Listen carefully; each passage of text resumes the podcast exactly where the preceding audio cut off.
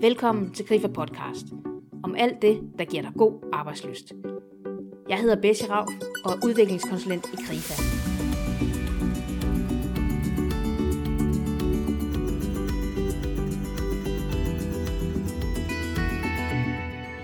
I dag skal det handle om fremtidens arbejdsmarked. Hvad skal du være opmærksom på? Og hvad skal du gøre for at kunne mestre dit arbejdsliv, både i dag og i fremtiden? Udviklingen går hurtigere og hurtigere. Digitale løsninger ændrer vores liv på måder, som vi måske slet ikke lige havde overvejet. Det betyder, at vi næppe kan forvente at kunne passe det samme job et helt arbejdsliv, men at vi må regne med at få nye opgaver og måske endda blive nødt til helt at skifte branche, inden vi går på pension. I denne podcast skal fremtidsforsker Louise Fredbo Nielsen gøre os klogere på fremtiden og på det arbejdsliv, som vi kan forvente at være en del af, mens vi er på arbejdsmarkedet. Louise arbejder ved Future Navigator, hvor hun beskæftiger sig meget med, hvordan arbejdsmarkedet udvikler sig, og hvordan det kommer til at påvirke vores arbejdsliv. Men inden vi kaster os ud i at blive klogere på fremtidens arbejdsmarked, spurgte jeg Louise Fredbo Nielsen, hvad det vil sige at være fremtidsforsker, og hvad en trend egentlig er for noget.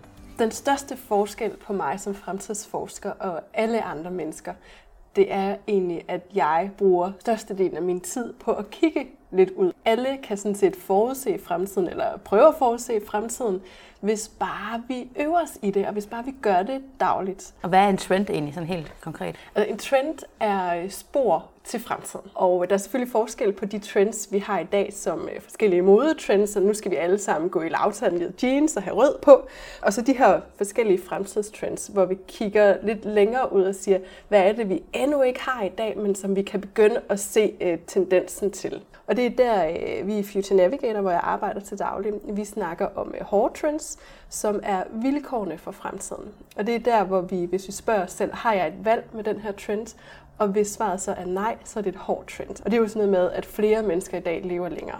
Der har vi selvfølgelig som individer et valg, men som samfund har vi altså ikke et valg. Flere og flere mennesker bliver overvægtige. Det er også et vilkår for fremtiden, et hårdt trend. Og så har vi også de bløde trends, som er trends og tendenser, der er meget spændende, højst sandsynligt, og som også kan have en stor indvirkning, men hvor vi skal arbejde lidt mere for at få det til at ske. Hvorfor er det, det er vigtigt at kigge på de her fremtidstrends? I dag har vi jo mere, end vi tidligere har haft af teknologiske udviklinger. Altså, det går rivende stærkt i dag. Og det kan godt være, at vi har haft nogle vilde udviklinger på arbejdsmarkedet, altså siden vi øh, flyttede fra land til byen og fik øh, maskinerne, alt det her. I dag er der sådan nogle helt andre udfordringer, vi står overfor, og nogle helt nye teknologier. Vi ser altså, at hvis ikke vi som medarbejdere, eller virksomheder, eller samfund øver os i at blive rigtig gode til at tage de her teknologier ind, så kommer vi altså til at være fremtidens tabere. Fremtiden kommer, det er der ingen tvivl om, og den teknologiske udvikling buller afsted for fuld fart. Konsulenthuset McKinsey udgav i april 2017 rapporten A Future That Works – The Impact of Automation in Denmark. Her har de undersøgt, hvordan teknologien kommer til at påvirke det danske arbejdsmarked. I rapporten står der blandt andet, at teknologi og robotter vil koste danskerne 470.000 jobs, men teknologien vil samtidig skabe 495.000 nye jobs, altså en stigning på 25.000. De nye jobs bliver skabt både fordi teknologien gør produktiviteten mere effektiv, men også fordi der bliver skabt helt nye jobtyper. Samlet set vurderes det, at 40% af alle arbejdsopgaver, som i dag udføres af mennesker, på et tidspunkt vil blive overtaget af maskiner. Men hvilke brancher kommer til at mærke mest til udviklingen? Og kan vi overhovedet tale om, at nogle brancher bliver mere ramt end andre? Hvordan og hvor kan vi allerede nu se, at udviklingen påvirker vores arbejdsliv? Det har Louise Fredbo Nielsen et bud på ligegyldigt om du sidder øh, som øh, bankansat, eller du er fabriksarbejder eller direktør i en bank, så kommer teknologien til at ændre din måde at arbejde på og de arbejdsopgaver, du skal løse. Vi får nogle algoritmer, der måske langt hurtigere end advokaten eller revisoren kan se og finde fejl i de forskellige sagsakter, som de sidder med, eller lave revision og regnskaber meget hurtigere og meget billigere. Og vi har allerede set det med sportsjournalister. Altså der er sportsjournalistrobotter, der kan skrive sportsartikler meget hurtigere og meget billigere, end menneskelige journalister kan. Vi har jo mange år snakket om, at det har været ude i den tunge industri, at teknologien har ændret måden, vi arbejder på, og det er alle de øh, altså, lavt uddannede, der mister deres arbejde. Det vi kan se nu, det er, at det er altså også de højt uddannede, der er rigtig udfordret. Og der kommer til at ske rigtig meget, altså ligegyldigt hvilken uddannelse du har, hvilken industri du kommer til at sidde i. Så derfor er det vigtigt, at vi holder øje med det, så vi ikke bare bliver kørt over ende. Altså, jeg ved ikke, om du kan huske trykkerne og sætterne der tilbage i øh, slutningen af 70'erne, start 80'erne. De så jo udmærket godt de her store bølger komme, der hed digitalisering og IDB. Men de valgte jo egentlig bare at ignorere det, blev super irriteret på den her udvikling. Så satte de sig med armene over kors, i stedet for at sige, vi ser den her bølge, hvad er det, det kommer til at betyde, at vi så skal blive bedre til? Vores arbejdsliv og måde at gå på arbejde på kommer altså til at ændre sig. Og når robotterne på mange måder kan gøre det hårde arbejde for os, og når vores jobs bliver overtaget af teknologien, så er vi nødt til at genopfinde os selv og finde nye veje i vores arbejdsliv. Og der er allerede nu tegn på, at for de fremtidige generationer findes det gode, faste arbejde måske slet ikke mere. Og hvad betyder alt det så for vores måde at være på fremtidens arbejdsmarked på? Altså på arbejdsmarkedet, der kigger jeg meget på, at vi kommer til at få et øh, opbrud med de her klassiske livsfaser, som vi har. Altså hvor hvis det er selvfølgelig barndom, så har vi ungdom med uddannelse, så har du et rigtig langt arbejdsliv fra du bliver uddannet, og så hvor du mere eller mindre arbejder med det samme, du er uddannet til, og så går du på pension. Altså, hvor vi ligesom meget symbolsk får vores tid tilbage. Eller hvis vi tænker tilbage på fabrikkerne, hvor man fik et ur, så fik du din tid. Ikke? Det ser vi simpelthen et opbrud med, fordi der er allerede i dag mange unge mennesker, der begynder at tage pauser i løbet af deres arbejdsliv. Fordi der er jo allerede nu er der en bevidsthed omkring, at vi altså skal være på arbejdsmarkedet en del længere end til de her 65 eller 67 år. Så de får de her lange, meget bedre liv, og så ser vi altså, at de begynder at rydde deres arbejdsliv op i højere grad. Altså jeg kalder det, at vi går fra pension til pauser. At vi simpelthen, når vi får små børn, hvorfor så ikke tage et par år fri tage et puster, og så kan vi komme tilbage og være fuldt opladet. Og simpelthen gøre det i løbet af vores arbejdsliv. Fordi den teknologiske udvikling, den er jo ikke færdig altså i morgen. Så vi bliver hele tiden nødt til at tænke i, hvordan er det, vi kan videreuddanne os? Hvordan er det, vi kan sørge for, at vores kompetencer de passer til det, der bliver krævet af os? Men det bliver altså bare vildere, fordi det kommer til at ændre meget i de arbejdsopgaver, vi skal have. Altså hvis du er øh, sygeplejerske, så kan det være, at du skal kunne noget helt andet om fem år, end du skal i dag. Jeg har vel selv sådan omkring 30 år sådan tilbage på arbejdsmarkedet, inden jeg sådan skal på pension, eller mm. hvad det så hedder til den tid. Hvordan, øh, hvordan vil arbejdsmarkedet og sådan, øh, arbejdslivet se ud om 30 år, tror du? Altså, jeg har set en masse meget interessante undersøgelser, der viser, at øh, det er så godt nok i USA, men at om øh, 5-10 år, der vil 40 procent af arbejdsstyrken være freelancer. Og vi begynder jo også at se nogle af de tendenser herhjemme med specielt øh, unge mennesker. De taber ind i den her sådan, deleøkonomis tankegang, hvor vi har nogle forskellige platforme, hvor vi kan sælge vores ydelser. Altså hvis du er grafiker, så kan du byde ind på forskellige grafiske opgaver rundt i hele verden. Og omvendt, så kan du også som virksomhed eller lille startup iværksætter simpelthen købe dig til den hjælp mere eller mindre på timebasis eller på et helt små opgavebasis. Tankegangen med, at du ikke behøver at være lønmodtager, Altså, men i stedet for at være freelancer eller din egen øh, herre, det bliver altså mere udbredt. Altså, jeg kalder det også, at vi går fra et arbejdsmarked til et bidragsmarked, hvor vi kommer til at fokusere meget mere på, hvad det er, vi kan bidrage med. Altså, hvor vi ikke længere kan forvente at få 40 års jubilæum på vores øh, arbejdsplads og blive hædret for den loyalitet, vi har haft. Og jeg tror simpelthen også, at der bliver et pude på godt dansk, altså sådan lidt en trækning i forhold til en nødvendighed af at genopfinde os selv. Hvis ikke vi tænker i at videreuddanne os som øh, arbejdsstyrke, så kommer vi til at miste vores arbejde. Så der er både noget i forhold til at kigge på, hvad er mit fede arbejdsliv, hvordan er det, jeg har det allerbedst, når jeg går på arbejde, men så også i forhold til, at jeg vil gerne blive ved med at have et arbejde og tjene nogle penge, hvad er det, jeg skal gøre derfor? Og hvordan ved man, at det er sådan tid til at genopfinde sig selv, og hvornår er det, man skal kigge kritisk på sin karriere? Vi skal gøre det konstant, fordi vi alle sammen mere eller mindre bliver nødt til at kigge ud og se, hvad er det for nogle tendenser, jeg ser komme?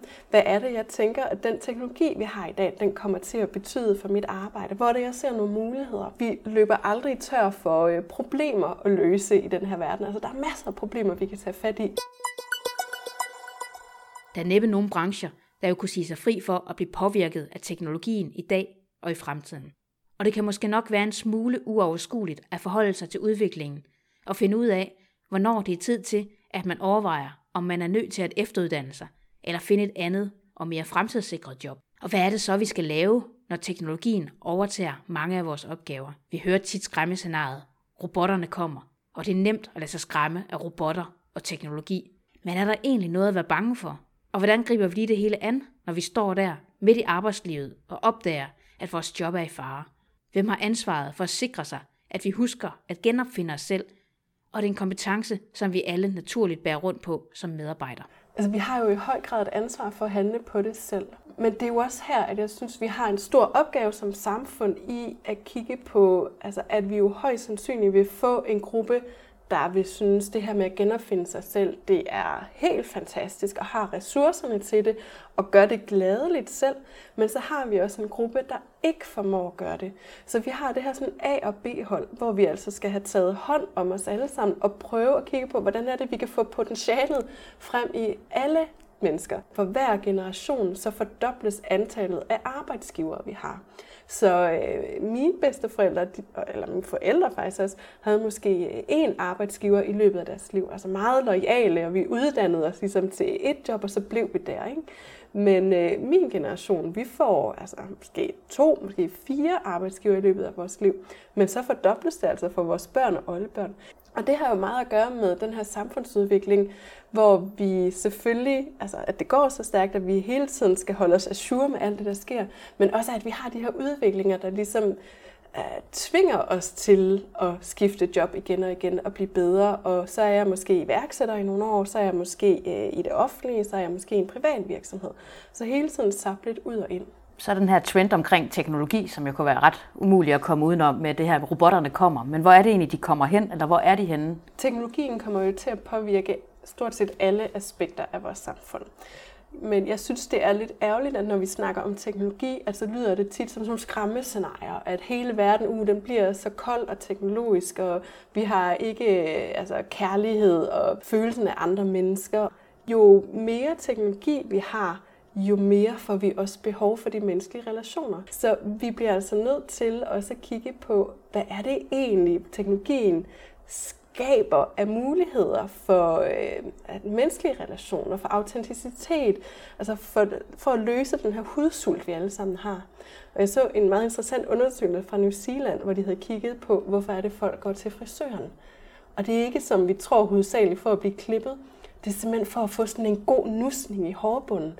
Fordi vi er så hudsultne alle sammen. Selvom du har tusind venner på Facebook og sidder i bestyrelsen nede i børnehaven og har et super fedt lederjob, så kan du godt stadigvæk være mega sulten for at blive lyttet til, altså at blive rørt lidt ved. Ikke? Men hvis de her robotter og den kunstige intelligens, de tager en del over på en masse rutineopgaver og praktiske opgaver, hvad er det, vi kan bidrage med så? Når jeg kigger på, hvad det er for nogle kompetencer og egenskaber, der bliver vigtige i fremtiden, så er det altså også det gode håndværk. Det er at have vedholdenhed nok til at sætte dig ned og øve dig i noget hver evig eneste dag, og blive rigtig, rigtig dygtig. Fordi vi kan alle sammen sætte os ned og se en video eller tage et kursus i et eller andet. Og det er der jo rigtig mange unge mennesker, der er super gode til. Men de mestrer det jo ikke rigtigt at blive ved med at øve sig i måske at bygge en reol. Bliv den aller, allerbedste snedker. Ligegyldigt hvad det er, bare du bliver super dygtig til det, og der selvfølgelig at skal det løse et behov. Med alle de her robotter og hele den her robotteknologi, hvordan er det, vi sådan, som mennesker kan samarbejde med dem, og hvordan gør vi det? Der er en øh, avatar, sådan en meget menneskelignende robot, der øh, lige har fået statsborgerskab i Saudi-Arabien, og øh, hende her Sofia, avataren, hun er øh, selvfølgelig kunstig intelligens, men hun imiterer vores adfærd og prøver at lære af os mennesker. Og øh, hun går jo rundt på gaden lige om lidt blandt alle os mennesker. Og det bliver jo også sådan nogle kollegaer, vi får. Så ligegyldigt, hvilken sektor du er i, hvilken branche du er i, hvilken jobfunktion du har, så vil du på den ene eller anden måde skulle samarbejde med robotterne. Og det er jo der, hvor det selvfølgelig kræver, at øh, du accepterer, hvad teknologien kan, men også bliver ved med at huske på, hvad det er, vi mennesker kan. Og hvor det jo handler om, at robotterne de er effektive, de er produktive, de er super gode til at finde fejl og optimere ting. Men der sker noget magisk, når vi så kombinerer det med os mennesker, der netop er gode til at eksperimentere, til at lave fejl, til at være autentiske, til at være kreative. Og når vi så kobler de to ting, så kan vi altså nå rigtig meget teknologien den brager jo herud af, og den går måske også hurtigere, end vi mennesker vi kan følge med til. Hvordan ser du på teknologiens muligheder? Øh, og er vi hurtige nok til, til at tage den til os? Altså det, der er interessant ved teknologien, det er jo, at selvom det går vanvittigt stærkt, så vi mennesker, vi har jo nogle gange lidt svært ved at følge med. Elon Musk, som jo er manden bag øh, Tesla, han er jo i gang med at bygge det her Hyperloop-tog over i øh, USA. Der er vilde planer for, at det skal gå rigtig, rigtig hurtigt, og vi har måske nogle af de samme ambitioner med Femern Belt herhjemme, men det vi kan se, det er jo, at selvom teknologien er tilgængelig, så er der så altså lige noget natur, der skal fredes, og vi har nogle huller, der skal graves, og det går bare en del langsommere, når vi mennesker kommer ind over. Jeg kan huske, at da jeg gik på øh, CBS, der blev vi undervist i den her gamle kurve, den her bedre curve, hvor vi jo snakker om, at vi har, øh, når vi får ny teknologi, så har vi i starten de her sådan innovators, altså dem, der virkelig tager teknologien til sig super hurtigt. Så har vi altså bagefter dem, der så er lidt langsommere, men stadigvæk rigtig hurtigt, der ligger sådan 10 procent i den her kategori. Og så ligger de 90 procent sådan i midten, at vi sådan kommer efter efter nogle år. Ikke? Og så til sidst, så kommer der alle dem, der virkelig er langsomme, som måske først har fået en smartphone i dag. Ikke? det vi kan se nu, det er, at den her, den holder ikke. Altså tankegangen med, at vi øh, kigger til USA, og så kan vi ligesom fremskrive, hvad det er, de laver derovre med fem år, og så kommer det her hjemme i Danmark. Det fungerer ikke mere. Og i dag, der snakker vi meget mere om, øh, i stedet for altså, den her bell curve, at så har vi en shark fin, altså en hajfinde, hvor billedet netop er, at de 90% af forbrugerne, de ligger simpelthen helt op, og de her sådan, øh, virkelig fast movers, eller first movers, det går super stærkt, på grund af, at vi ser de samme øh, profiler på Snapchat, eller Instagram, eller Facebook. Vi læser de samme medier. Det kan godt være, at teknologien går rigtig, rigtig hurtigt, men der er jo så bare lige den her med, at vi mennesker, vi hænger altså lidt bagefter stadigvæk. Vi går fra pension til pauser, og de yngre generationer vil skifte job og brancher meget oftere end vores forældre gjorde, og måske også hvad vi selv gør. Men hvad er det, der motiverer os til at gå på arbejde i dag, og hvad skal virksomhederne gøre for at lokke medarbejderne ind på kontorerne, når man faktisk kan løse ens opgaver, hvor i verden det skulle være? Udover at vi i fremtiden bliver sværere at lokke ind på vores arbejdsplads, så vil vores måde at gå på arbejde på også ændre sig. Louise mener, at den klassiske lønmodtagerkultur er stendød. Hvad bliver vi så, hvis vi ikke er lønmodtagere i fremtiden? Altså i dag snakker vi jo stadigvæk meget om øh, lønmodtagerkulturen, og det er, altså, det er ikke særlig mange år siden, at hvis du kom ind og fik et job i en bank, så var din mor rigtig glad, fordi så var din fremtid ligesom sikret. Altså, det er jo ikke helt det samme, vi siger i dag, og specielt efter finanskrisen. Så tankegangen om, at du er sikret, hvis du får et fast arbejde, den har vi altså lagt lidt i graven. Altså jeg plejer at sige, at lønmodtagerkulturen den er død, og den er ikke døende, den er stendød. Altså mine forældres generation, for dem der handlede det meget om at finde et, øh, en arbejdsplads eller et arbejde, hvor kaffen var dejligt varm, og græsset var grønt, og kollegaerne var bare super søde, og så havde vi det godt der. Men de yngre generationer, de vil meget hellere hoppe derhen, hvor græsset er grønnest, og projekterne er allermest spændende, og chefen er super fed. Og så er de der et stykke tid, og så hopper de videre som sådan nogle øh, jobgræshopper. Så der er noget både i samfundsudviklingerne, men også i generationerne. Undersøgelser det viser, at der er 800.000 danskere, der skifter job hver år. Hvad betyder det for vores liv og sådan for virksomhederne, når vi flyver sådan rundt? Altså, der er jo selvfølgelig en udfordring i forhold til at, at holde noget viden i virksomhederne. Jeg kigger også på den udvikling, vi ser. Vi i lang tid har kigget på, at vi laver headhunting, og når vi skal ansætte i virksomhederne, så er det sådan enkelte personer, vi hyrer ind. Men der er flere virksomheder, som jeg snakker med, der begynder at hyre teams ind. Så vi går ligesom fra den her headhunting til teamhunting. Fordi vi ved, at veletablerede teams, der er sat sammen med de rigtige personprofiler, har arbejdet sammen i lang tid, de performer altså rigtig godt. Og det tager lang tid for et nyt team i en virksomhed på at skulle etableres, på at lære hinanden at kende, på at lære forskellige arbejdsmåder at kende. Der er jo rigtig mange, der efterhånden har et job, som de kan løse lige hvor de nu er henne. Bare der er internet, og der er en computer. Øhm, du kalder det location independent. Hvad betyder det for vores måde at gå på arbejde på, at vi har de muligheder? Altså location independent betyder, at vi jo ikke behøver at møde ind på en fast fysisk arbejdsplads. Så længe vi har vores smartphone, en computer, måske noget internetadgang, vil være meget rart, så kan vi oftest løse de opgaver, vi har. Det betyder så også for virksomhederne, at de jo skal gøre sig utroligt lækre og sexede for rent faktisk at lokke medarbejderne ind på kontorerne, ind på arbejdspladsen. Jeg så Deloitte i Amsterdam, de har øh, en app, hvor du som medarbejder får tildelt en plads præcis efter dit humør, hvor de måske indstiller lys, måske er der nogle lugte, du sidder sammen med nogle mennesker, der passer præcis til der, hvor du er lige præcis i dag. Den her digital udvikling, det gør vi også, at vi kan holde Skype-møder, eller vi kan sende memoer til hinanden, eller snaps. Der er jo alle mulige muligheder for, at vi kan være i kontakt med hinanden øh, og samarbejde, uden at være det samme sted. Hvad vil det egentlig sige det der med at være fysisk til stede og samarbejde? Og hvordan vil sådan fremtidens generation sådan forholde sig til det her fysiske møde? Hvad er det for mm. dem? Det fysiske møde, det bliver en luksus. Vi har allerede i dag hologrammer, hvor vi stort set ikke kan se forskel på et hologram og så et rigtigt menneske, medmindre vi går hen og rører ved det. Selvom vi kan lave Skype-calls og have konferenceopkald, så bygger vi stadigvæk større lufthavne. Og når vi ikke behøver at møde ind og se vores kolleger hver dag, så kan vi jo lige pludselig ikke undvære dem. Ofte der tænker vi jo, at det er folk, der sidder med nogle skrivebordsopgaver, eller folk, der sådan ikke har sådan en øh, personlig, menneskelig kontakt, som ligesom kan være mm. location independent. Er der nogle andre fag, som vi måske ikke lige forestiller os lige nu, hvor det også øh, rykker ind i fremtiden? Så allerede i dag, der er der jo øh, fysioterapi, du kan få via din computer eller iPad hvor du får et program, som du kan udføre derhjemme, eller du kan måske snakke med din fysioterapeut eller din læge, og så kan du selv stå for din genoptræning.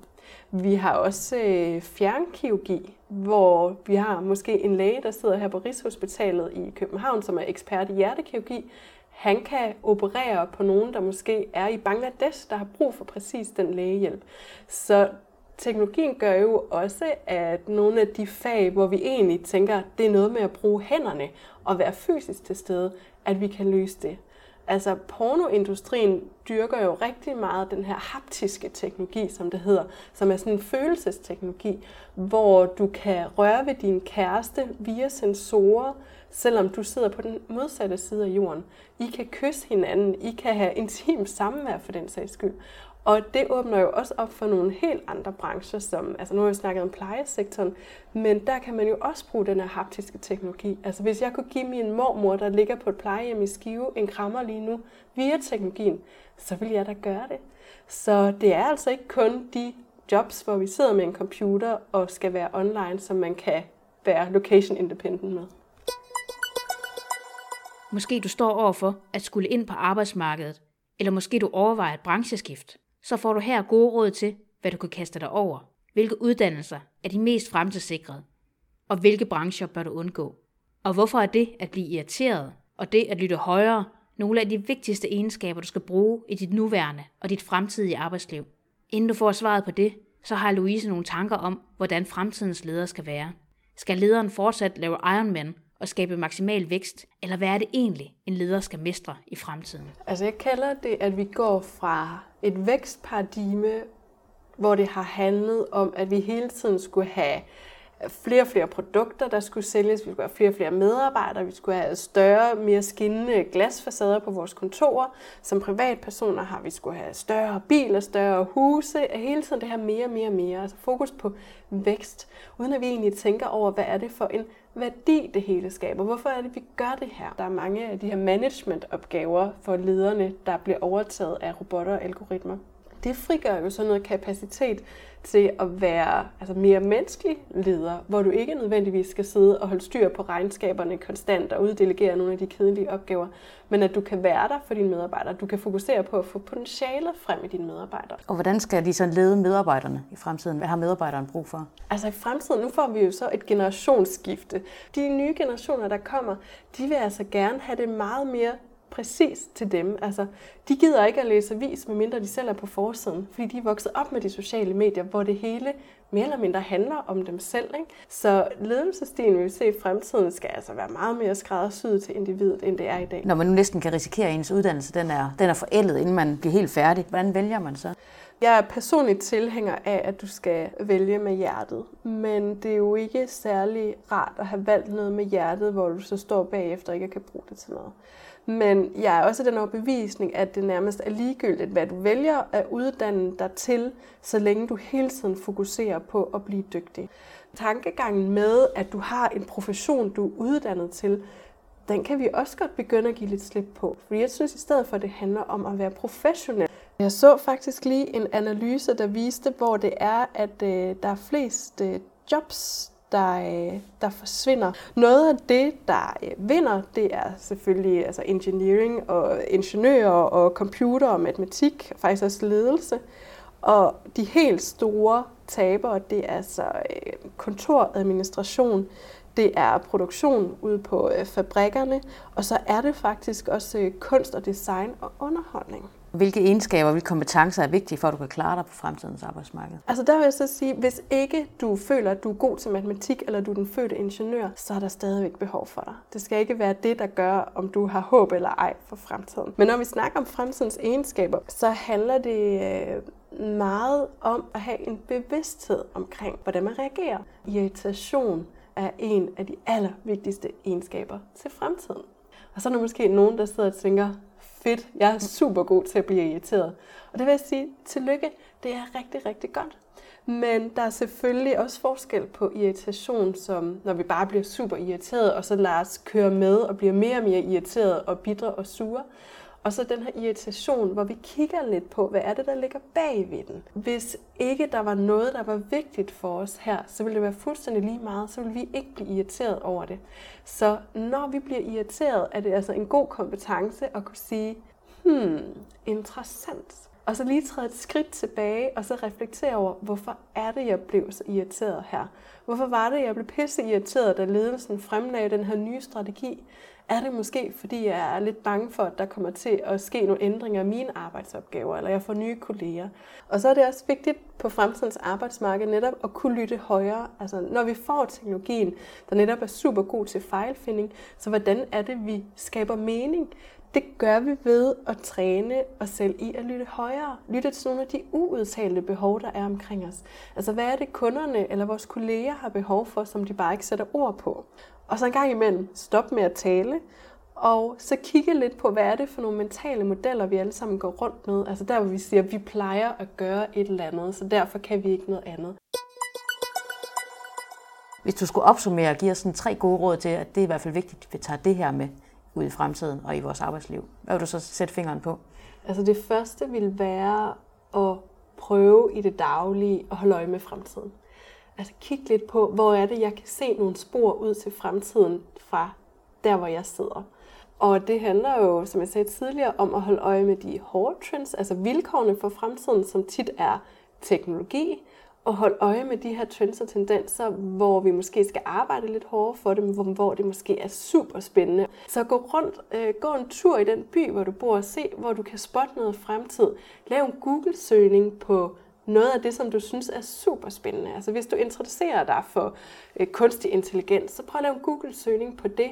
Der er ikke noget galt med at google. Altså man kan spotte fremtiden overalt. Snak med mennesker, du ikke normalt snakker med. Så det vil være mit første råd. Spot fremtiden i det daglige. Så er der også øh, den med irritationen. Og den mener jeg så dybt alvorligt, at den er super vigtig. Så måske i morgen, måske den næste uges tid, hold øje med, hvor er det, jeg bliver rigtig irriteret. Og så stop op, og så gå et skridt tilbage, og så kigge på, hvad er det, jeg skal lære af den her irritation? Hvad er det bagvedliggende budskab, som jeg måske ikke helt har lyst til at høre, men som jeg alligevel skal lytte til? Og den tredje, det er at have i mente, at det altså mere eller mindre bliver et vilkår for fremtiden, at vi alle sammen skal genopfinde os selv. Selvom vi måske ikke synes, det er super rart, at vi hele tiden skal udvikle os og tage nye kurser, så prøv i det små allerede nu at se, hvor er det, det kan blive sjovt for mig. Så kig lidt på, hvad er det, jeg skal blive god til i fremtiden? Altså når jeg har spottet fremtiden, hvad er det så, det betyder, at jeg skal blive dygtig til? Og så kig på, hvad er det for en kode, jeg skal knække, Altså, hvad er det aller, aller vigtigste, jeg kan lære, for at det bliver en succes? Det var fremtidsforsker Louise Fredbo Nielsen, som gjorde os klogere på fremtidens arbejdsmarked. Har du brug for at få sparring på dit arbejdsliv, så husk, at du i KRIFA kan få karriererådgivning omkring det nuværende og din fremtidige karriere. Tjek også arrangementskalenderen for kurser, workshops og webinarer, der handler om dit arbejdsliv og din karriere. Find flere podcast med fokus på dit arbejdsliv og på, hvordan du får god arbejdsløst i dit arbejde. Du finder dem på www.krifa.dk-podcast. Hvis du har spørgsmål eller kommentarer, er du meget velkommen til at kontakte os på podcast Tak fordi du lyttede med, og rigtig god arbejdsløst nu og i fremtiden.